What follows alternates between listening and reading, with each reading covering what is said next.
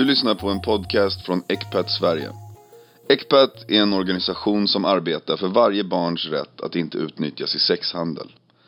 Genom förebyggande arbete slår Ecpat mot den efterfrågan och lönsamhet som driver handeln med barn framåt. Läs mer på ecpat.se. Jag heter Caroline Engvall och är journalist och författare till flera böcker om barn i svensk sexhandel. Och det är om detta svåra som den här podden handlar om. I tidigare avsnitt har vi fått lyssna till barns berättelser. Barn som har tagit sig ur sin svåra situation och kommit framåt. Och som vet vad det innebär att vara inne i det svartaste av helveten, men också se ljuset. Idag är perspektivet ett annat. Vi ska få möta två personer med många års erfarenhet av barn i svensk sexhandel, både i världen och på hemmaplan. Idag gästas podden av Anders Pettersson, generalsekreterare på barnrättsorganisationen ECPAT som arbetar mot sexhandel i alla former i världen. Och eh, Katrin Hagström Hägg, gruppchef på polisens nationella operativa avdelning och 20 års erfarenhet av brott mot barn. Välkomna båda två. Tack. Tack så mycket. Podden heter ju Vägen framåt men jag tänkte att vi skulle börja med var vi står idag. Hur ser barnsexhandeln ut idag, både i Sverige och i världen, anser ni? En jättestor fråga faktiskt. Och eh, om vi ska se hur den ser ut i Sverige så är det ingen som vet exakt hur den ser ut. Eh, vi vet att den förekommer eh, på väldigt många olika sätt, på väldigt många olika ställen. Men det sker liksom i det fördolda. Och eh, då vet inte ens Sverige som, som land ut exakt hur stor hur, hur många barn som utsätts eller hur stor brottsligheten är. Det vi vet är att när sådana som Katrin och hennes kollegor, när de blir fler och får större resurser, då hittar man ju också fler barn. Så är det. Och mm. förövare. Det gäller ju likadant de sexualbrott som sker mot barn i andra länder. Där är nästan kanske mörkertalet ännu större. För det är svårt för oss att få information om det som händer där. För att kunna ta tag i det och utreda det här. Katrin, vad ser du just nu i ditt yrke på polisens nationella operativa avdelning? Mm. Det vi, vi har ett nationellt utredningsansvar just för svenska sexualbrott mot barn utomlands och det är det vi främst jobbar med. Eh, och där kan vi se att det är en väldigt stor ökning av webcam-shower. Alltså att man inte behöver åka dit personligen och begå övergreppet. Och man kan sitta hemma själv och eh, realisera sina sexuella fantasier med barn genom att beordra våldtäkter på barn i fattiga länder främst. Då. Sydostasien handlar det oftast om. Eh, här hemma i Sverige så så kallade grooming-ärendena eh, ja, utnyttjande av barn för sexuell posering och kontakt med barn i sexuellt syfte och som även kan vara ännu grövre brottsrubriceringar. Eh, grooming låter ju ganska banalt kanske men det speglar inte den verklighet som faktiskt är. Utan vi pratar om i princip virtuella eller digitala våldtäkter på barn. Ofta tvingas de göra saker på sig själva. Anders, hur jobbar ECPAT med de frågor som Katrin pratar om just nu? Vi, när vi pratar om det barnsexhandel som är ett, ett sammanhållande ord för sexuella övergrepp på barn så menar vi ofta en kommersiell sexuell exploatering av barn. Och det kan vara att eh, barn exploateras sexuellt eh, mot betalning, vilket eh, ibland kallas eh, barnprostitution, vilket det faktiskt inte är. För att ett barn enligt lagkonventionen, eh, barnkonventionen kan ju inte prostituera sig. Det handlar om en exploateringsform. Eh, det kan handla om det som Katrin pratade om, resande förövare, människor som tar sig från en plats till en annan för att begå övergrepp på barn och det kan handla om övergreppsmaterial eh, på barn. Och det heter i lagen barnpornografi. Och, och om man plockar isär de här orden och tittar på vad det egentligen är så är det inte pornografi. Vi driver bland annat en hotline dit man kan anmäla anonymt om man inte vill anmäla direkt till polisen, vilket vi alltid tycker att man ska göra. Och eh, de hos oss som jobbar med den ser ju vilken typ av material och det har ju ingenting med pornografi att göra för pornografi är ju faktiskt lagligt och involverar vuxna människor. Ehm, så det materialet är ju våldtäkter och tortyr på prepubertala barn oftast och till och med spädbarn. Så. Ehm, så cynisk och fruktansvärd är verkligheten. Och när jag menar att vi inte har någon helhetsbild så betyder inte det att det inte finns många goda krafter som jobbar för det här. Men det är ingen som kan säga exakt hur stor den är. För det är en olaglig verksamhet och den är jättelönsam. Ehm, man brukar jämföra med narkotika eller droger och, och vapen till exempel. Och det finns ingen riktig kartläggning i Sverige, vilket också FN har kritiserat Sverige för återkommande sagt att ni bör ha en bättre koll på hur det är, för då kan vi också i Sverige allokera resurserna mer effektivt. Ja, vad är det som brister där?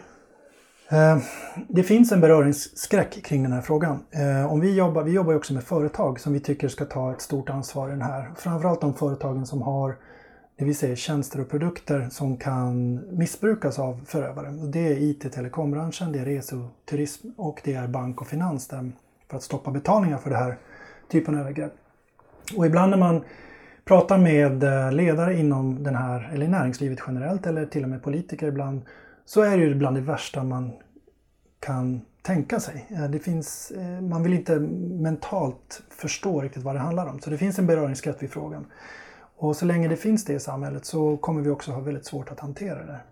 Så det är jätteviktigt att vi förstår vad problematiken är så att vi inte förenklar det för mycket så att vi pratar om barnporr och barnsexturism eller eh, eh cyberbordeller. Eller, eller, vi, måste, vi måste ha mer kunskap kring det. Och alla behöver inte vara experter men en, en viss kunskap gör att eh, vi kan också sätta in mer effektiva metoder tror jag. Ja, hur kan vi alla jobba bort den här beröringsskräcken? Nick på Ecpat gör ju ett otroligt viktigt arbete med det, men hur kan man göra som privatperson? Eh, det finns flera olika sätt att göra det på. Ofta om, man, om vi väcker en tanke eller andra väcker en tanke så, så är det många som ändå trots allt vågar lyssna lite mer.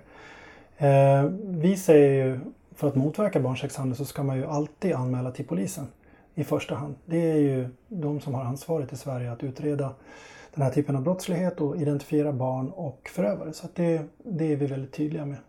Sen eh, har vi en hotline som ett komplement dit man kan anmäla människohandel eller övergreppsmaterial eller resande förövare.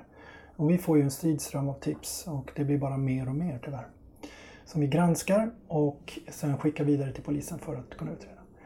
Sen kan man också titta på hur näringslivet sköter sig. Vilka företag är det som faktiskt tar ett aktivt eh, ansvar mot det här i, i de olika resebranscherna eller IT-telekom. Och eh, hur viktigt tycker de att det här är?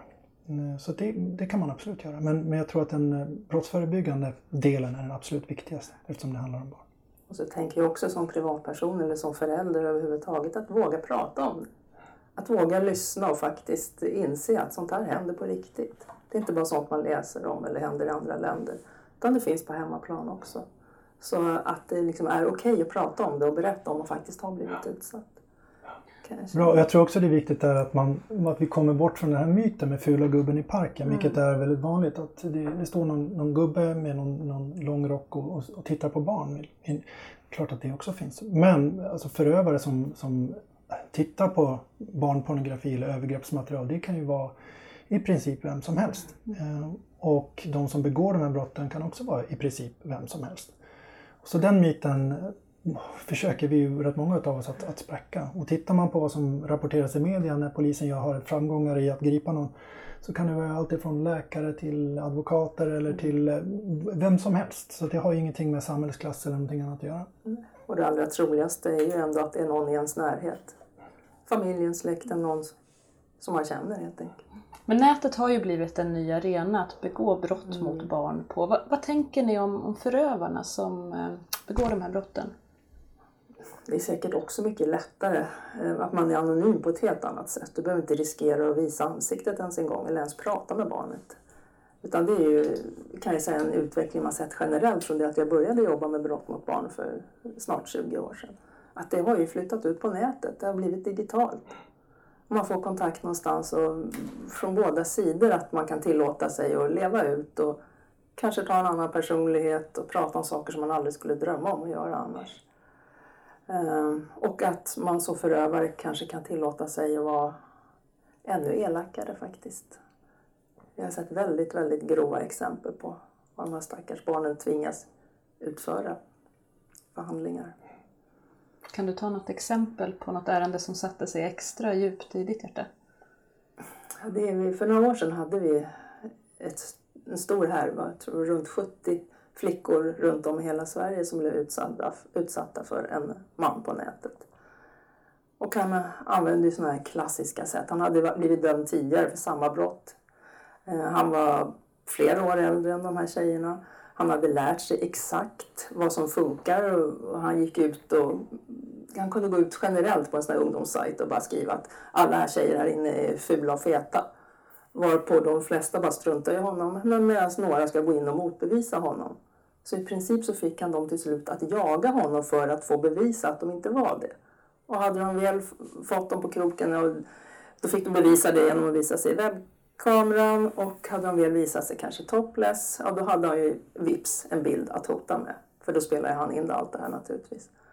Och sen så tidspressen, att han gav dem inte tid att tänka efter sen utan han pressar dem. Om inte du eh, klär av dig naken framför webbkameran så skickar jag till de här. Han kunde skicka med ett eh, utdrag, alla hennes vänner på Facebook till exempel, eller din rektor, din farmor.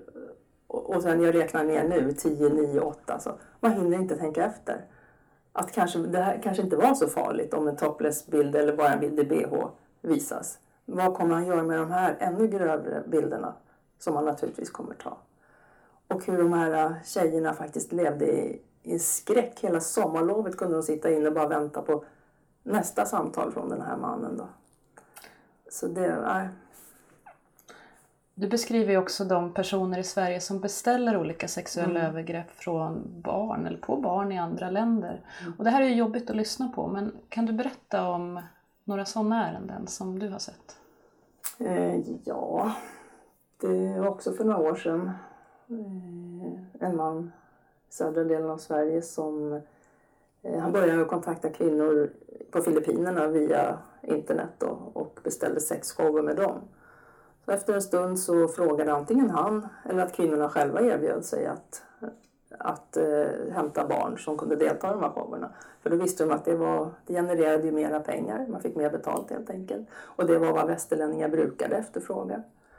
Eh, Så han kunde ju sitta där hemma och och bestämma precis vad de skulle göra med de här barnen där nere på Filippinerna. Eh, och det var så normaliserat i den här byn eh, där de här barnen och kvinnorna bodde så att var det så att det inte fanns ett barn tillgängligt så kunde man gå till skolan och hämta en under pågående lektion. Och man utnyttjade varandras eh, syskon, grannar, liksom alla höll på med den här verksamheten. Men då, då ska vi också betänka att det, det är väldigt fattiga människor. Att det, det var deras sätt att överleva helt enkelt. Men den här mannen dömdes, eller hur? Han dömdes i Sverige, så det är fullt möjligt när det gäller sexualbrott mot barn att både utreda och döma de här personerna i Sverige. Så det är det vi jobbar med. Anders Pettersson, du är generalsekreterare på ECPAT och eh, ni jobbar ju väldigt aktivt med de här frågorna, barnsexhandel i världen.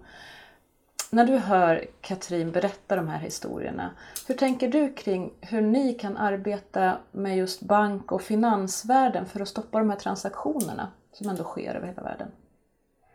Vi har eh, under väldigt många år, vi har funnits i 20 år och under många år haft en väldigt bra relation, ett bra samarbete med polisen eh, som en eh, ehm, frivillig organisation.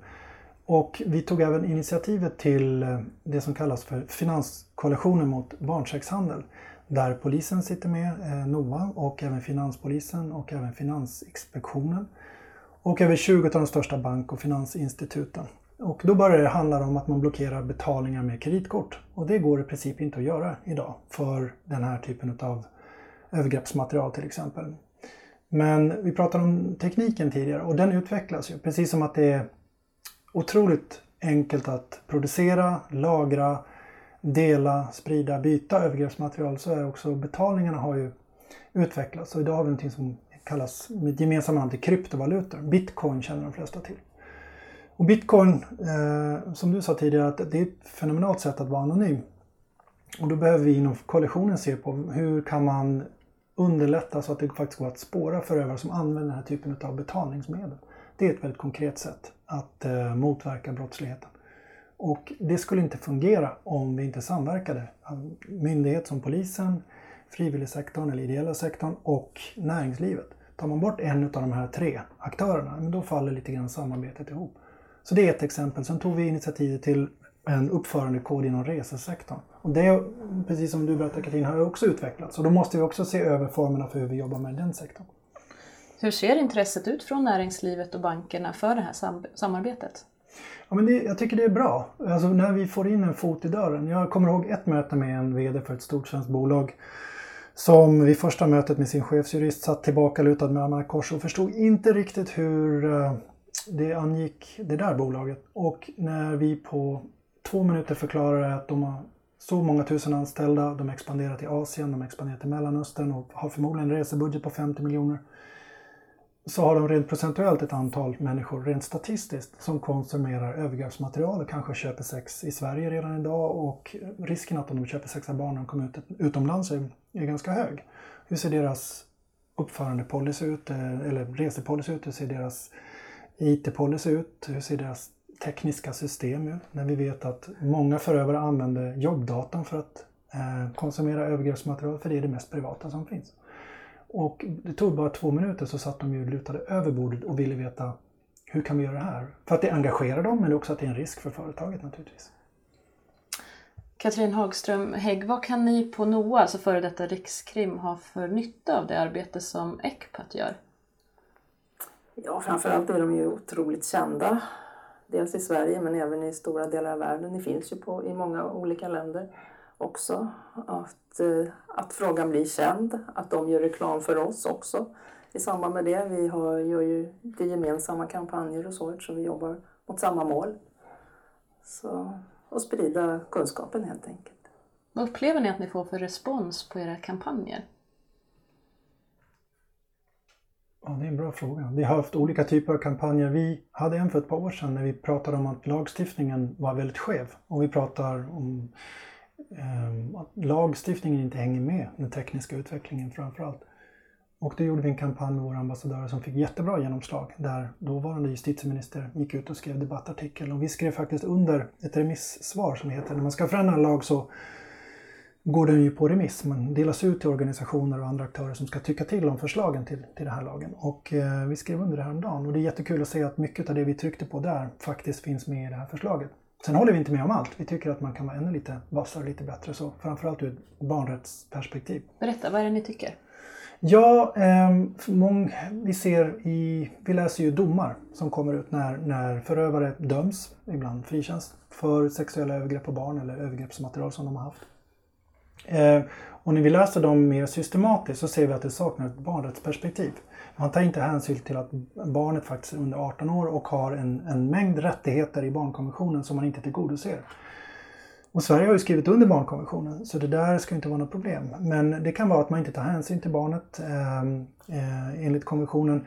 Man bedömer barns utveckling på märkliga och väldigt olika sätt. Bara för att ett barn har påbörjat puberteten så tar man mer hänsyn till en förövares förmåga att säkerställa det barnets ålder. Eh, vad är rimligheten i förövarens agerande? Och det faller allt för ofta till barnets nackdel. Eh, så det är någonting som vi har åsikter om. Och vad är problemet där? Var ligger problemet? Bland annat så bygger det på, och det är också en annan kampanj som vi har drivit och lite mer påverkan, försökt få till en dialog med rättsväsendet och framförallt då domstolarna. Att det, de behöver kunskap. Eh, de behöver kunskap och förstå vad barnsexhandel är. Vi tittade på vilka lärosäten som eh, utbildar jurister i Sverige har barnsexhandel som en del utav sin grundutbildning. Och, och, eh, vi såg att det är knappt någon som har det. Och är det, finns det kurser så är de frivilliga. Och då tror inte vi att det är någonting som kommer följa med dem i sin karriär om de blir åklagare eller om de blir domare. Och sen ska de då sitta och döma de här målen. Och när vi pratar med de myndigheter som ansvarar för utbildningen så säger de att ja, men unga domare dömer inte de här målen. Men det vet vi. Unga domare i Knäckebrehult eller var de skulle kunna sitta i Sverige, de får de här målen och då saknas det kunskap. Och polisen reser ut till domstolar och får ibland inte ens visa materialet utan får skriva ner vad som står på bilderna för man tycker att det här är så hemskt. Ja, det är klart det är hemskt. Men hur rättssäkert är det om de som ska sitta och döma ett mål inte faktiskt ser vad, vilka övergrepp de här barnen blivit utsatta för? Men vad får ni för respons från rättsväsendet på era krav där? Ja, men det är lite för svalt. Det är inte bra. Ehm, man tycker det var en, en, en, debattartikel i en juridisk tidning bara för en vecka sedan där en, någon uttryckte sig så att eh, frivilligorganisationer ska inte utbilda rättsväsendet. Och eh, varför ska de inte kunna göra det? Vi sitter ju faktiskt på en unik kunskap och vi har ju inte hittat på den själv. Vi tittar ju på omvärlden, vi gör vår egen, eh, våra egna efterforskningar, vi jobbar med andra myndigheter som polisen. Och vi har ju en, en ganska unik kunskap. Varför skulle inte den kunna komma andra till godo? Vad tänker du kring det, Katrin? Ja, men självklart. Det liksom, man får ju ta kunskapen där den finns. Oavsett om det kommer från en myndighet eller en frivillig organisation känner jag. Eh, och just när det gäller ja, domstolsväsendet så är ju det oftast väldigt trögt. Man har haft en uppfattning att man ska vara helt, eh, helt förutsättningslös, ska gå in i olika mål. Men det är ju som du säger, döma i allt från eh, ekonomisk brottslighet till sexuella övergrepp mot barn, barnpornografi utan att känna till mekanismerna som styr bakom och så. Det är ju klart att det är svårt. Eh, men senare tid så har vi faktiskt haft utbildningar för både åklagare och domstolsväsendet. Så förhoppningsvis så mm. håller det på att förändras. Mm. Mm. Vad ser du Katrin för andra brister som skulle behöva rättas till? För att? För att barnsexhandeln ska minska i världen och i Sverige. Att barnen ska få ett mer, en bättre process. Ja, i den bästa av världar så ger alla barn en trygg, kärleksfull och respektfull eh, uppväxt. Men så ser det inte riktigt ut. Eh, men dels att ha ett klimat eh, där man törs prata om det. Att det hela tiden pågår ett utvecklingsarbete, att man samverkar alla myndigheter och frivilligorganisationer runt omkring. Att folk blir medvetna om problemet. Eh, ja, straffskalan kan man ju alltid diskutera också och kanske sen även eh, behandling och uppföljning av de förövarna som begår de här brotten också. Kan ni berätta lite grann hur straffskalan ser ut idag för lyssnarna? Ja, generellt så är det väldigt lågt. Eh, om man jämför med andra länder så skrattar de ju åt oss här men det, det, det är ju så vi har det här så det kan man inte säga mycket om. Men eh, till exempel lägsta straff för barnpornografi det ligger ju på bötesnivå. Och det är ett problem. Mm. Eh, för det får ju kopplingar till hur polisen kan utreda det och, och om man ska bli lite lagteknisk så ligger barnpornografibrottet under kapitel 16. Och är, där finns det ju egentligen inga brottsoffer utan det är brott mot staten. Mm. Så alla de bilder, alla de barn som finns på de här bilderna de finns egentligen inte utan det är bara bilden och innehavet av det. Medan alla andra sexualbrott, om man kan identifiera barnförövare, men då är det kapitel 6 där sexualbrotten ligger. Men det får också till följd att, att eftersom det är bötesstraff för, för barnpornografibrottet så begränsar det också polisens möjligheter att eh, efterforska, att utreda, att eh, ställa krav på internetleverantörer till exempel att ge dem information kring olika förövare. För då är det ju inte ett grovt brott eh, trots att det då är en sexuell övergrepp på barn som har filmats eller tagits bild på. Jag tror att på sikt så i takt med att vi kan få in ett bättre barnperspektiv i hela rättsprocessen så kommer det också att bli förbättringar. Och ett sådant steg är ju till exempel att ta bort böter ur straffskalan för barnpornografi. Det, det, kan vara ett första steg. Sen behöver vi titta på hur den lagstiftningen behöver vidareutvecklas. Ska man flytta hela eller ska man flytta delar av det? Det är sådana saker som vi tittar på just nu. Och eh, vi kommer inte att släppa det för lagstiftningen är en oerhört viktig del för att polisen ska kunna göra sitt arbete för att näringslivet ska ha en lagstiftning som de känner sig trygga med och som faktiskt tar barnets rättigheter i beaktande. Eh, så det är oerhört viktigt att vi kommer aldrig att släppa den, den biten. Katrin, du pratar ju om att i den bästa av världar så ska alla barn ha en trygg uppväxt och inte behöva riskera att dras in i den här världen. Mm. Vad tänker ni? Vi i Sverige är ju ganska framåt när det gäller IT och många barn har mobiler även från låg ålder. Hur kan vi som föräldrar eller som andra viktiga vuxna i barns närhet tänka för att skydda våra barn? Ja, för det första ha lite koll på vad barnen gör naturligtvis. Man kanske inte måste ha fri tillgång till eh, datorer och telefoner när man är jätteliten. Man hela tiden pratar mer om vad som skulle kunna hända. Ehm, eh, det finns ju olika tjänster där man kan spärra olika sidor till exempel. Att man håller sig ajour helt enkelt. Är med lite grann vad som händer och sker. Så att man inser att det, det kan hända ens egna barn också. Ehm, det är kanske en, en dålig jämförelse, men det är det egentligen inte. Jag tycker, men när man är förälder så man lär sina barn att cykla till exempel. Varför ska vi inte lära, oss barn, lära våra barn om nätet? Vi har ett ansvar att själva hålla oss uppdaterade om teknikutvecklingen. Dels för att vi använder den själv men det betyder inte att, att mitt liv på internet när jag jobbar eh, ska vara helt väsensskilt från, från mina barn kanske. Jag behöver hålla mig ajour med vad, vad som händer. Och det bygger också på att man har en bra dialog med sina barn. Eh, och det brukar jag alltid säga och det säger många andra också. Har man en bra dialog med barn, sina barn där det finns ett förtroende, då kan man också fånga upp eh, när någonting har gått snett. Mm. Och våga fråga. Absolut. Om man ser att någonting är fel. I år är det ju 20 år sedan den första världskongressen mot kommersiell sexuell exploatering av barn hölls i Stockholm och där var ju bland andra Ecpat och Unicef med som stod bakom den här kongressen. Mm. Vad har hänt sedan dess, Anders Pettersson? Det som har hänt på 20 år eh, är framförallt teknikutvecklingen som har påverkat flera olika delar av barnsexhandeln. Och det är därför vi har tekniken som fokus för det Nordiska forum som vi har i år 2016. Som kommer att belysa hur brottsligheten har förändrats. Till exempel övergreppsmaterial då, som är oerhört enkelt att producera, lagra, och sprida och dela.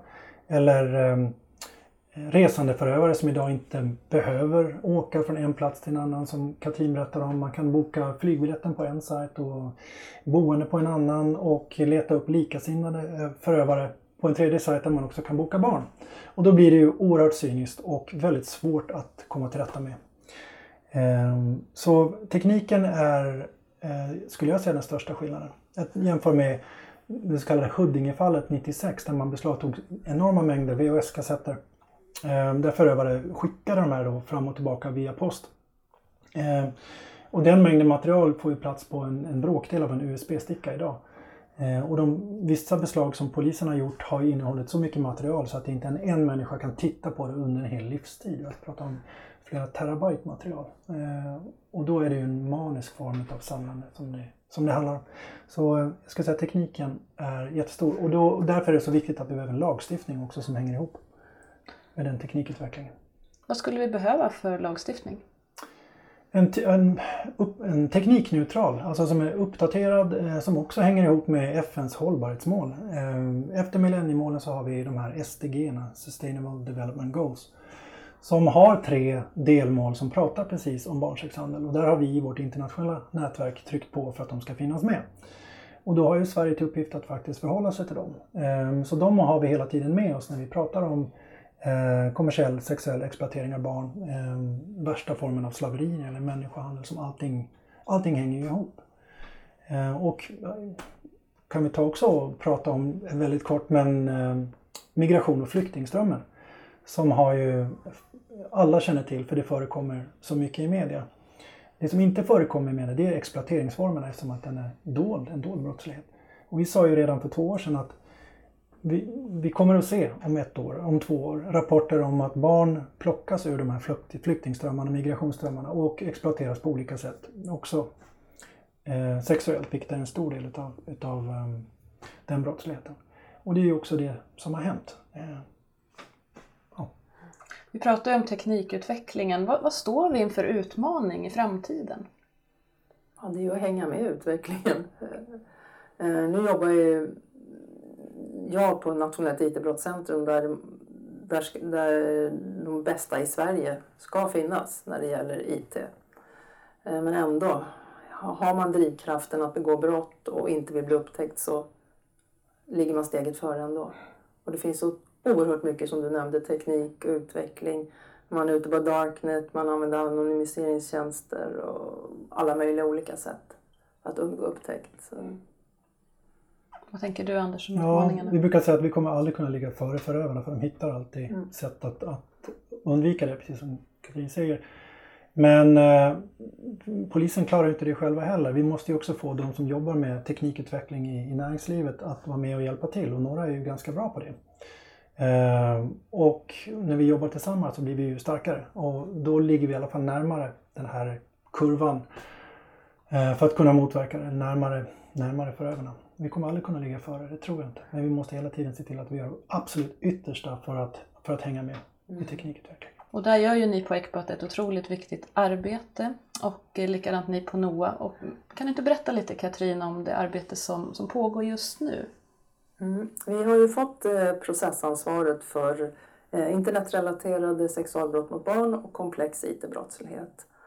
Och i, i linje med det så eh, ska det införas regionala IT-brottscentrum runt om i alla regionerna i Sverige där man ska i princip vara självförsörjande.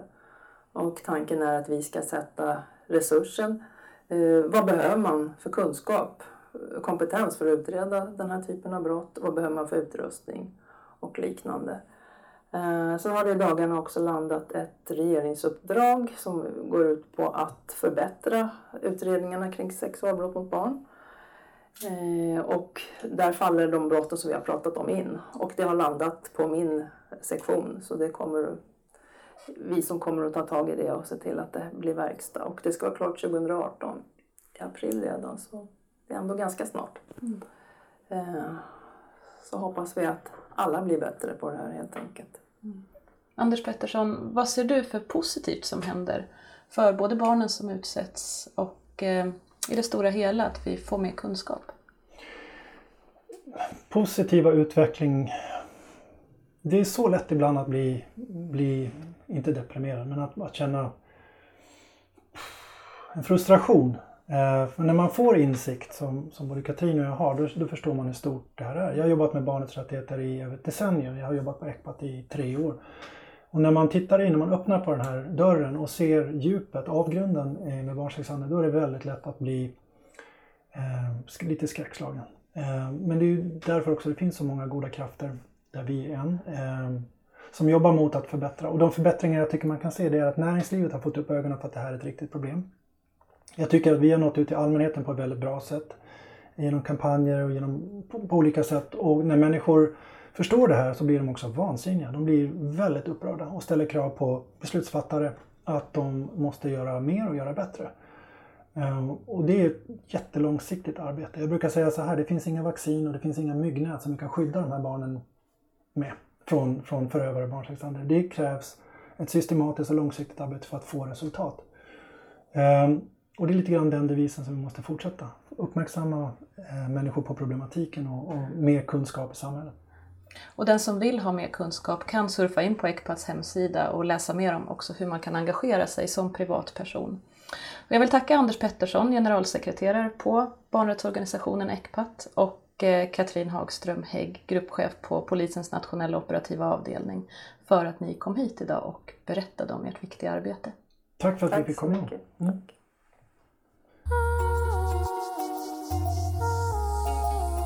Vi behöver bli fler i kampen mot barnsexhandel. Vill du stödja Ecpats arbete så kan du smsa mot barnsexhandel till 72 980 för att stödja vårt arbete med 50 kronor varje månad.